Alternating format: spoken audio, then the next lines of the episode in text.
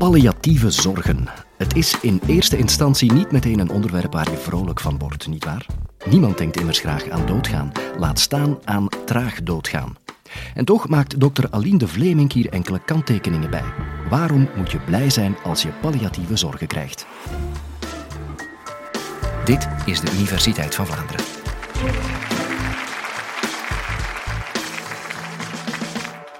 Ik ga meteen beginnen met het nieuws dat jullie vanavond gaan horen. En dat is dat iedereen in deze zaal gaat doodgaan. Niemand gaat daar een uitzondering op zijn.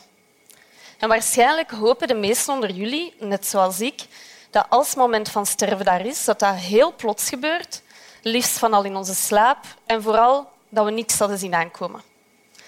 Maar dat gaat jammer genoeg voor bijna niemand nog het geval zijn. En voor de meerderheid van ons gaat het overlijden wel verwacht zijn en gaan we het wel zien aankomen. En hoe dat komt, dat is te wijten aan een aantal evoluties dat hebben plaatsgevonden in onze recente geschiedenis. En ten eerste is onze gemiddelde levensverwachting de voorbije 150 jaar bijna verdubbeld. Vandaag worden mannen gemiddeld 79 jaar oud, vrouwen worden gemiddeld 83 jaar oud, terwijl dat rond 1900 nog tussen de 45 à 50 jaar lag. En dat komt door een betere hygiëne, betere leefomstandigheden, maar ook door veel vooruitgang op technologisch en medisch vlak.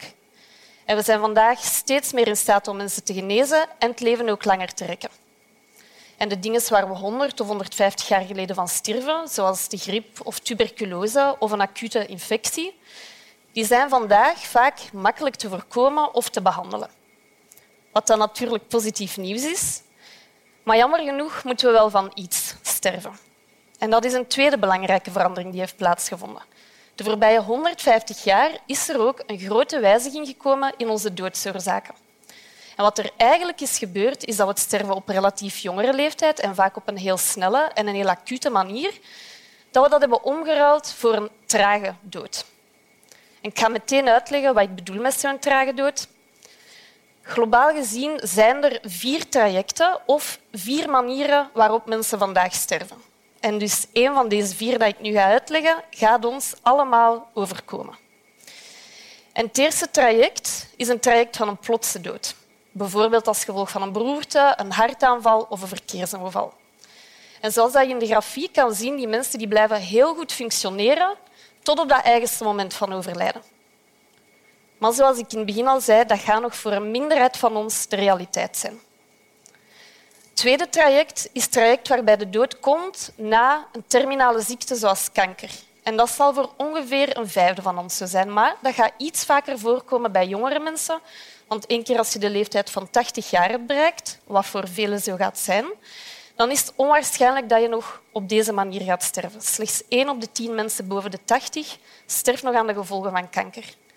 En ook hier zie je dat die mensen redelijk goed blijven functioneren, meestal tot een aantal dagen of weken voor overlijden, waarbij dat plots heel sterk achteruit gaat. De meerderheid van ons gaat wel sterven op de volgende twee manieren of een combinatie van de volgende twee manieren, waarbij onze laatste dagen, weken, maanden en zelfs jaren gekenmerkt worden door een trage en langzame achteruitgang. En daarom dat ik spreek over een trage dood. En het eerste traject is een typisch traject van iemand met chronisch orgaanfalen, zoals nierfalen, hartfalen, longfalen. En je ziet dat die trage achteruitgang dat die onderbroken wordt door acute crisissituaties, waarbij er plots een heel sterke achteruitgang is in de toestand van die mensen. Meestal kunnen die wel tijdelijk weer worden opgelapt en kunnen ze weer verder tot er zich zo'n volgende crisissituatie voordoet. En dat patroon gaat zich over meerdere jaren herhalen tot een van die acute crisissituaties meestal uitmondt in de dood. Het tweede traject waar de meeste van ons aan zullen sterven is een typisch traject van wat we noemen kwetsbare ouderen of iemand met Parkinson of ook een typisch traject van iemand met dementie, waarbij je eigenlijk een hele, hele trage achteruitgang ziet, meestal gespreid over meerdere jaren, zowel in fysiek als cognitief functioneren. En ik zie hier al een paar bedrukte gezichten in de zaal. En ik weet dat vooruitzicht van zo'n trage achteruitgang tot aan overlijden, dat dat niet bepaald geen is waar we naar uitkijken op onze oude dag. En ik ben me daar heel hard van bewust dat ik ook helemaal geen leuke boodschap breng daarmee. Maar er zijn ook een aantal voordelen aan verbonden. Want het feit dat overlijden voor de meesten van ons wel verwacht gaat zijn en dat voor de meesten van ons gaat komen na een langere periode van achteruitgang, betekent ook dat we ons daarop kunnen voorbereiden. En dat betekent dat we een aantal keuzes gaan kunnen maken en zelf controle gaan kunnen uitoefenen op hoe dat we die laatste levensfase willen beleven en op hoe dat we willen sterven. En eigenlijk geeft ons dat ook de mogelijkheid om te streven naar waar, wat voor onszelf een zo goed mogelijk leven zijnde is. En uit onderzoek weten we dat mensen die nog maar beperktere tijd te leven hebben, dat die vooral nadruk willen leggen op kwaliteit van leven. Dat betekent dat zij zoveel mogelijk vrij willen zijn van symptomen, dat ze zich comfortabel willen voelen, graag omringd willen worden door familie en vrienden en dat ze liefst verblijven of verzorgd worden op een plek waar ze zich goed voelen, wat dat voor de meeste mensen toch de thuisomgeving is. Dat betekent ook dat zij graag nog zo lang mogelijk willen kunnen blijven deelnemen aan wat voor hun persoonlijk betekenisvolle activiteiten zijn.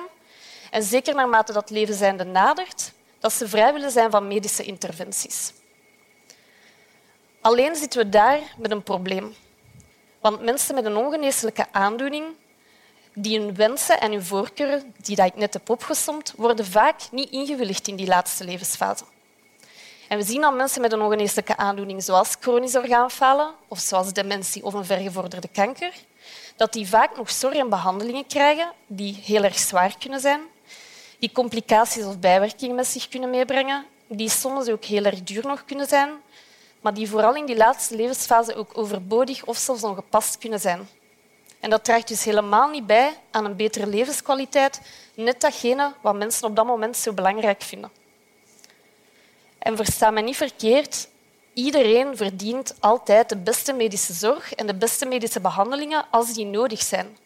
Maar voor mensen met een ongeneeslijke aandoening komt er een bepaald punt waarop meer niet altijd nog beter betekent. En zo zien we ook dat er een complete mismatch is tussen de plaats waar mensen graag willen sterven en de plaats waar mensen effectief sterven. Meer dan 80 procent van de Belgen geeft aan dat ze graag thuis of in een thuisomgeving willen sterven. Dat is slechts voor 20 procent van ons het geval. En de meerderheid van de Belgen sterft vandaag in een ziekenhuis. Nu, wat zouden we hier aan kunnen doen? Volgens mij is één belangrijk aspect van de oplossing tijdig nadenken en tijdig starten met palliatieve zorg.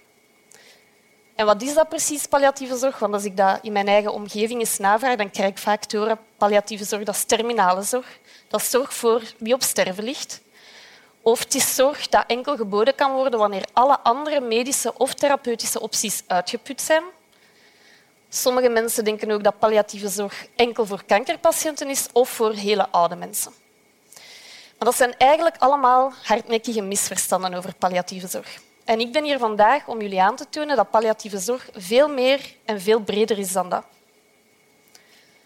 Palliatieve zorg is een benadering of een filosofie van zorg waarbij het doel van de zorg is om kwaliteit van leven te verbeteren, zonder daarom het leven te verlengen of het leven in te korten. En palliatieve zorg richt zich niet alleen op patiënten met een ongeneeslijke aandoening, maar ook op de familie en probeert kwaliteit van leven voor beide te verbeteren. En daarbij wordt er niet alleen gefocust op lichamelijke problemen, maar ook op psychologische, sociale, spirituele of existentiële problemen.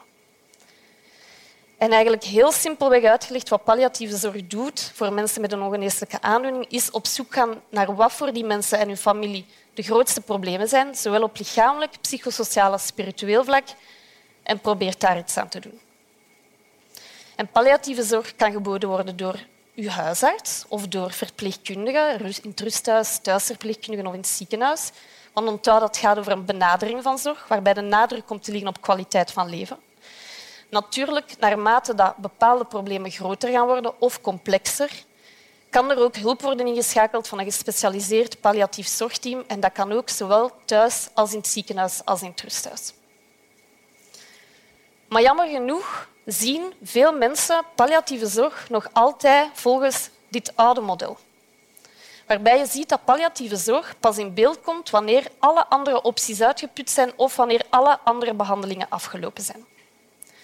Maar uit onderzoek weten we dat er al vanaf de diagnose van een ongeneeslijke aandoening bepaalde noden aanwezig zijn bij mensen, zowel op lichamelijk, psychosociaal als spiritueel vlak, waarop palliatieve zorg een antwoord kan bieden. En eigenlijk zijn we dus aan het kijken naar een model dat niet beantwoordt aan de realiteit voor die mensen. En daarom is er een nieuw model ontwikkeld. En in dat nieuwe model zie je dat palliatieve zorg hand in hand gaat met levensverlengende behandelingen en dat het eigenlijk al kan opgestart worden vanaf de diagnose van een ongeneeslijke aandoening, zoals chronisch orgaanfalen, zoals dementie of een vergevorderde kanker. En natuurlijk zal die rol van palliatieve zorg in het begin van zijn ziektetraject nog beperkt blijven, maar naarmate dat iemand zijn ziekte voortschrijdt of toestand achteruit gaat, zal die rol ook groter worden. Nu, ik sta hier ook als onderzoeker in de sociale gezondheidswetenschappen en het is voor mij ook belangrijk om jullie vandaag mee te geven wat dan nu de wetenschappelijke evidentie of wat dan nu al het sterke bewijs is dat bestaat voor dit nieuwe model van palliatieve zorg. En de voorbije jaren zijn er in ons onderzoeksdomein een aantal heel belangrijke studies uitgevoerd. En ik ga die zo simpel mogelijk proberen samenvatten en uitleggen. In die studies werden patiënten met vergevorderde kanker opgevolgd. En vergevorderde kanker dat betekent dat die patiënten nog een gemiddelde overlevingsduur hadden van 1 à 2 jaar, maar dat ze uiteindelijk wel zouden sterven aan de gevolgen van die kanker. En in de studies werden de patiënten gerandomiseerd of verdeeld naar twee groepen. En in de ene groep kregen die patiënten met vergevorderde kanker de standaard oncologische zorg, zoals iedereen die krijgt. In de tweede groep kregen de patiënten ook de standaard oncologische zorg, maar kregen zij ook vanaf hun diagnose van vergevorderde kanker extra ondersteuning van een palliatief team in het ziekenhuis. En wat blijkt uit de resultaten van die studies? De patiënten die in de groep zaten met de extra palliatieve zorg vanaf diagnose van een vergevorderde ziekte, die rapporteerden minder symptomen, dus hadden minder last van symptomen, werden minder opgenomen in het ziekenhuis. Zij kregen ook nog minder agressieve behandelingen in die laatste levensfase. En ze rapporteerden een betere kwaliteit van leven tijdens die periode. En voor de patiënten die toch overleden zijn tijdens de studieperiode, werd ook een betere kwaliteit van sterven gerapporteerd. En belangrijk om te vermelden, de gemiddelde overlevingsduur in beide groepen was even lang. Er is zelfs één studie die heeft aangetoond dat de patiënten in de groep met de extra palliatieve zorgen dat die langer leefden vergeleken met de andere groep. En ook binnen onze eigen onderzoeksgroep hebben we studies uitgevoerd naar patiënten met orgaanfalen en dementie. En ook daar zagen we dat wanneer palliatieve zorg tijdig geïnitieerd werd, dat er ook daar minder ziekenhuisopnames waren, dat er meer gepaste zorg werd gegeven en dus minder ongepaste zorg aan het leven zijn. En dat er ook meer thuisoverlijdens waren. Iets waar dat de meerderheid van de mensen toch nog altijd de voorkeur aan geeft. En je zou je dus eigenlijk bijna kunnen gaan afvragen waarom dan niet iedereen dat te maken krijgt met een ongeneeslijke aandoening geen palliatieve zorg zou willen. Want wie wil er geen betere kwaliteit van leven, geen betere kwaliteit van zorg, zonder daarom te moeten inboeten aan kwantiteit, aan aantal dagen? Nochtans zien we in onze cijfers dat er in het ziektetraject van mensen met een ongeneeslijke aandoening vaak nog veel te laat aan palliatieve zorg wordt gedacht. Soms maar enkele dagen voor overlijden of enkele weken en heel vaak wordt er zelf niet aan gedacht. En dat komt omdat we tot op vandaag allemaal nog schrik hebben van palliatieve zorg. En omdat we palliatieve zorg blijven zien volgens dat oude model en we blijven het zien als enkel die terminale zorg. En dat geldt niet alleen voor ons, dat geldt niet alleen voor patiënten en hun familie, maar dat geldt ook voor heel veel zorgverleners. Heel veel artsen hebben schrik om nog maar het woord palliatieve zorg te laten vallen, omdat ze schrik hebben dat ze daarmee de hoop van hun patiënten gaan wegnemen. En misschien is het wel eens tijd dat wij daar verandering in brengen. En dat wanneer wij als toekomstige generatie of iemand uit onze naaste omgeving geconfronteerd wordt met een ongeneeslijke aandoening, dat we niet langer schrik hebben om op tijd na te denken over palliatieve zorg en daar op tijd over te praten. En eigenlijk op tijd te praten over wat kwaliteit van leven voor ons of voor die andere persoon betekent in de laatste levensfase. En dat we dat niet alleen durven doen onder elkaar, maar ook met onze artsen. Want het is niet omdat uw arts er niet over durft te beginnen dat wij dat zelf niet kunnen. Want ik hoop dat ik jullie vandaag toch heb kunnen laten zien dat palliatieve zorg meer is dan enkel die terminale zorg. Dat al relevant kan zijn vanaf de diagnose van een ongeneeslijke aandoening en dus zeker niet alleen voor patiënten met vergevorderde kanker, maar ook voor patiënten met dementie en chronisch orgaanfalen die ook niet meer gaan genezen. En dat wanneer het tijdig wordt ingezet, dat het niet alleen zorgt voor een betere kwaliteit van leven, maar ook een betere kwaliteit van zorg. Dank u wel.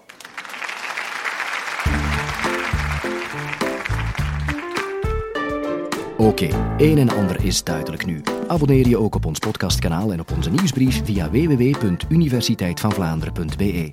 Doe het snel, want elke minuut kan de laatste zijn. Wist je dat je het volgende college ook live kan bijwonen? Reserveer snel je plaatsen via universiteitvanvlaanderen.be en klik op opnames bijwonen. Tot dan!